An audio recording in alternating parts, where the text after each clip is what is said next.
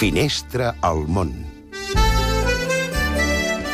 Anem a Brussel·les. Jaume Masdeu, bona nit. Bona nit. Aquests dies Bèlgica multiplica les celebracions pel centenari de la Primera Guerra Mundial i una celebració molt concreta és la de la Batalla d'Ypres, una localitat situada al nord-oest del país a tocar del canal de la Mànega.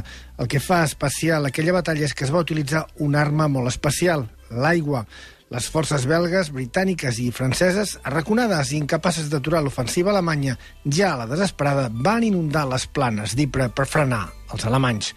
Durant la marea alta es van obrir les comportes de la regió al voltant de Newport per tancar-les després i evitar que les aigües baixessin. Resultat, quilòmetres de terreny inundats amb més d'un metre d'aigua que van obligar les tropes alemanyes a retirar-se i que van deixar aquella plana, la plana d'Ypres, com a terra de ningú.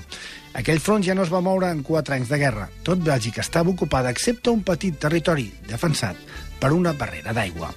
Gràcies, Jaume Masdeu. Anem ara a Buenos Aires. Joan Biosca, quan vulguis.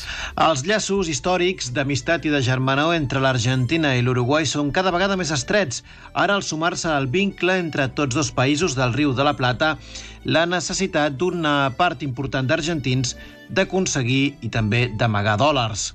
A una hora de distància en ferri des de Buenos Aires hi ha la ciutat uruguaiana de Colònia. Els bancs d'aquest tranquil i colonial municipi han notat un boom d'argentins que hi han obert eh, un compte corrent per refugiar els seus estalvis de les crisis financeres.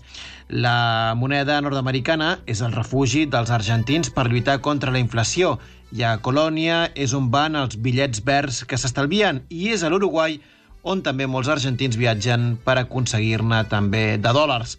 Els caixers automàtics en donen a preu oficial i després eh, d'una hora de viatge de tornada a Buenos Aires, aquesta divisa nord-americana, aquests dòlars, són canviats de nou en el mercat negre al doble del seu valor.